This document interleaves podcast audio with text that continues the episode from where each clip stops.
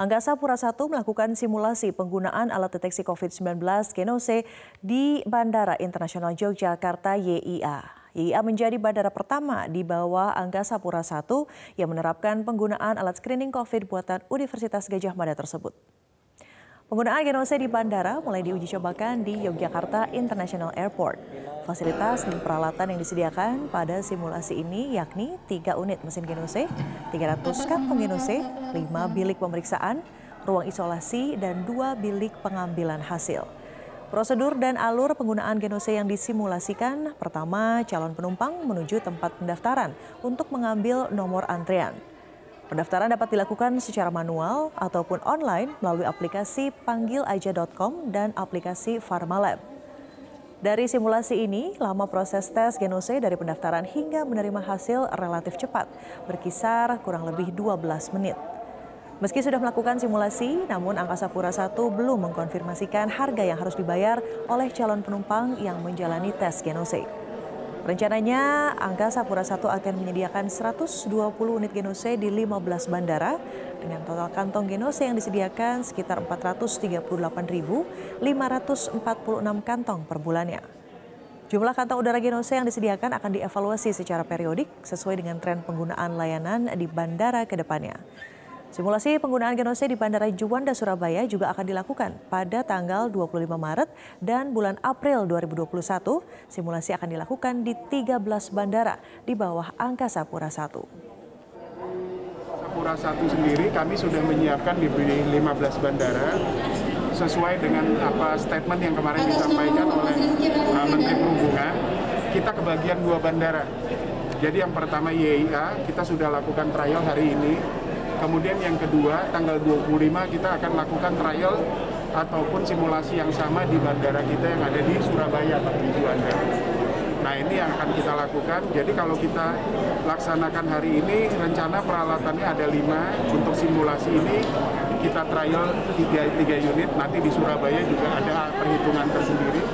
Sehingga nanti kebutuhan di seluruh Bandara Angkasa Pura ini akan secara bertahap kita penuhi dan kita akan laksanakan juga secara bertahap. Jadi tidak mungkin secara berbarengan karena peralatan ini produksinya juga Tercatat ada 771 sekolah dasar di Kabupaten Lebak, Banten yang hari ini menggelar ujian satuan pendidikan di sekolah atau secara tatap muka mulai dari tanggal 22 hingga 27 Maret 2021. Kebijakan ini diambil setelah Dinas Pendidikan Kabupaten Lebak mendapatkan izin dari Pemkab Lebak untuk menggelar ujian satuan pendidikan di sekolah dengan menerapkan protokol kesehatan yang ketat.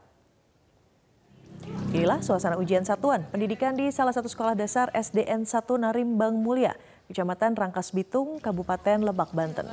Secara umum tidak ada yang berbeda dengan ujian seperti pada umumnya.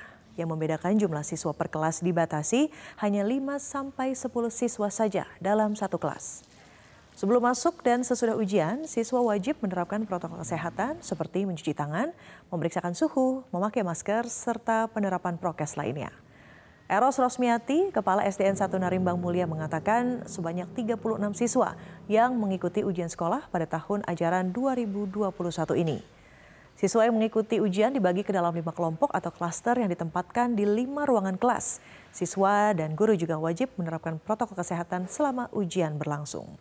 Mantan Ketua DPC Partai Demokrat Halmahera Utara, Julius Dagilaha menggugat Ketua Umum Partai Demokrat Agus Harimurti Yudhoyono karena telah memberhentikan dirinya dari kepengurusan partai usai mengikuti Kongres Luar Biasa Partai Demokrat di Deli Serdang, Sumatera Utara 5 Maret 2021 lalu. Sidang gugatan kepada Ketua Umum Partai Demokrat Agus Harimurti Yudhoyono berlangsung di Pengadilan Negeri Jakarta Pusat. Mantan Ketua DPC Partai Demokrat Halmahera Utara, Julius Dagilaha dipecat oleh partainya karena menghadiri Kongres Luar Biasa di Deli Serdang 5 Maret lalu. Julius menggugat Agus Harimurti Yudhoyono dan Sekjen Partai Demokrat Teguh Rifki Harsha dengan tiga tuntutan yang diajukan penggugat atas pemecatannya. Menurut kuasa hukum Julius, atas pemecatan ini kliennya mengalami kerugian hingga 5 miliar rupiah. Sidang selanjutnya akan berjalan Senin pekan depan dengan agenda tanggapan dari tergugat. Yang bersangkutan ini dipecat dari jabatannya sebagai Ketua DPC. Padahal beliau ini terpilih secara demokratis di Kongres DPC Partai Demokrat Kabupaten Halmahera Utara itu tahun 2018. Ya, sehingga merugikan beliau. Tindakan yang dilakukan oleh DPP ini merugikan beliau karena beliau uh, tidak dipanggil, tidak pernah diperiksa, diminta keterangan. Tentu tidak sesuai mekanisme hukum. Sehingga yang bersangkutan merasa hak-haknya dirugikan sebagai baik sebagai warga negara maupun sebagai kader Partai Demokrat sehingga melakukan gugatan terhadap DPP ke Pengadilan Negeri Jakarta Pusat. Dan Julius ini kami PLT karena dia menghadiri KLB yang mana KLB tersebut bertentangan dengan anggaran dasar sehingga kami lakukan PLT karena jelas diatur dalam anggaran dasar Partai Demokrat bahwa KLB itu harus memenuhi syarat-syarat yang di anggaran dasar rumah tangga khususnya diatur di pasal 83 di mana harus memenuhi syarat yaitu ada izin dari majelis tinggi dan setengah dari dua per tiga dari ketua DPD dan 50 persen dari DPC. Sementara itu tidak dipenuhi dan dalam KLB pun harus yang menyelenggarakan adalah Dewan Pimpinan Pusat Partai Demokrat. Sementara itu tersangka kasus penghapusan red notice Joko Sugiyato Chandra atau Joko Chandra hari ini menjalani sidang dengan agenda mendengarkan replik dari jaksa penuntut umum. Hasilnya jaksa penuntut umum tidak menerima pledoi dari Joko Chandra. Sidang replik yang dibacakan oleh jaksa penuntut umum membahas materi pledoi atau pembelaan dari Joko Chandra pada kasus korupsi penghapusan red notice dan kasus kepengurusan fatwa di Mahkamah Agung. Jaksa penuntut umum menolak materi pembelaan Jokchan dan berkesimpulan nota pembelaan terdakwa tidak didukung. Sidang duplik atau jawaban tergugat oleh Joko Chandra akan berlangsung pada Kamis 25 Maret mendatang.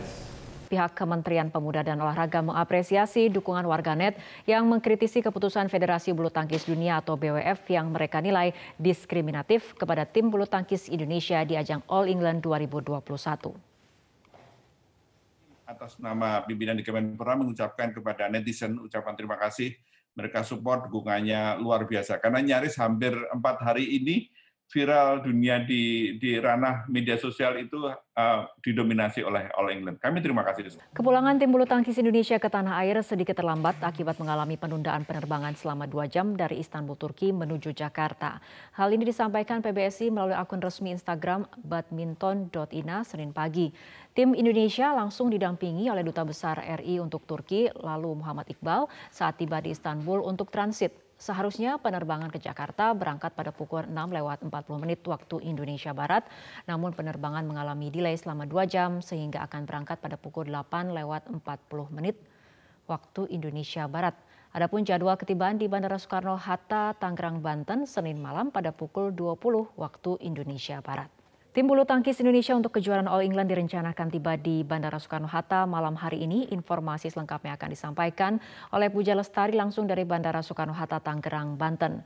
Puja, bagaimana situasi di Bandara Soekarno-Hatta jelang kepulangan tim Indonesia? Ya Fitri, hari ini tim bulu tangkis Indonesia untuk kejuaraan All England 2021 direncanakan akan tiba di tanah air pada hari ini. Saat ini tim Indonesia sudah dalam perjalanan dengan menaiki pesawat Turkish Airlines TK0056. Namun kedatangan tim Indonesia akan sedikit terlambat karena adanya penundaan pesawat selama dua jam, yaitu ketika pesawat yang dinaiki tim Indonesia transit di Istanbul, Turki, terdapat penundaan atau delay selama dua jam yang seharusnya pesawat sudah lepas landas pada pukul 6 lewat 40 waktu Indonesia Barat karena adanya penundaan ini menjadi baru lepas landas pada pukul 8 lewat 40 waktu Indonesia Barat tadi. Dan akibat adanya penundaan selama dua jam ini, ketibaan tim Indonesia juga direncanakan akan tertunda selama dua jam, yaitu yang sebelumnya direncanakan akan tiba di Bandara Soekarno-Hatta pada pukul 18 waktu Indonesia Barat, menjadi tertunda dan diperkirakan baru akan tiba di Bandara Soekarno-Hatta pada pukul 20 waktu Indonesia Barat. Dan saat ini, jelang kepulangan tim Indonesia untuk All England 2021, kami memantau kondisi di Terminal 3 Bandara Soekarno-Hatta masih masih terpantau normal, belum terlihat adanya penjagaan yang ketat ataupun akses-akses pintu masuk yang ditutup oleh pihak bandara. Hal ini dikarenakan tim Indonesia sesampainya tiba di Bandara Soekarno-Hatta akan langsung menuju gedung VIP Terminal 3 untuk menggelar konferensi pers.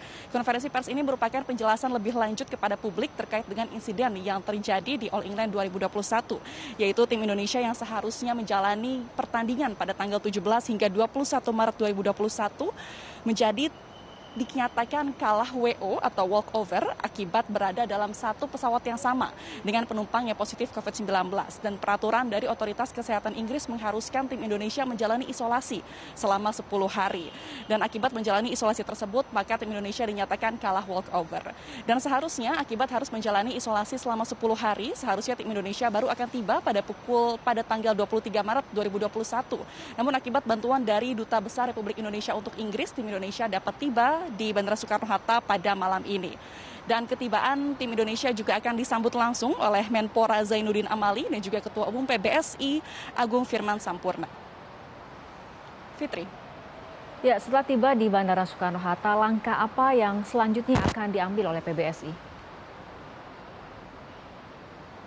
Ya, Fitri setibanya di Bandara Soekarno-Hatta, tim Indonesia akan menggelar konferensi pers di gedung VIP Terminal 3 Bandara Soekarno-Hatta. Dan mengingat tim Indonesia saat ini sudah dinyatakan negatif COVID-19 dengan tes PCR, maka nanti konferensi pers ini akan digelar dengan protokol kesehatan yang sangat ketat, yaitu hanya terbuka untuk 30 orang rekan media yang sudah mendaftar. Dan kemudian setelah menggelar konferensi pers, tim Indonesia akan langsung menuju Hotel Grand Mercure Kemayoran untuk menjalani isolasi sesuai dengan instruksi dari pemerintah untuk warga negara Indonesia yang baru tiba dari luar negeri. Sementara itu PBSI juga rencananya akan terus meminta penjelasan dari Federasi Bulu Tangkis Dunia atau BWF terkait dengan transparansi pihak otoritas kesehatan Inggris, yaitu terkait dengan identitas penumpang yang dinyatakan positif COVID-19. Menurut PBSI seharusnya identitas penumpang ini di dibuka secara transparan agar kedua belah pihak merasa adil dan mengetahui apa yang sebenarnya terjadi pada kejuaraan All England 2021 ini.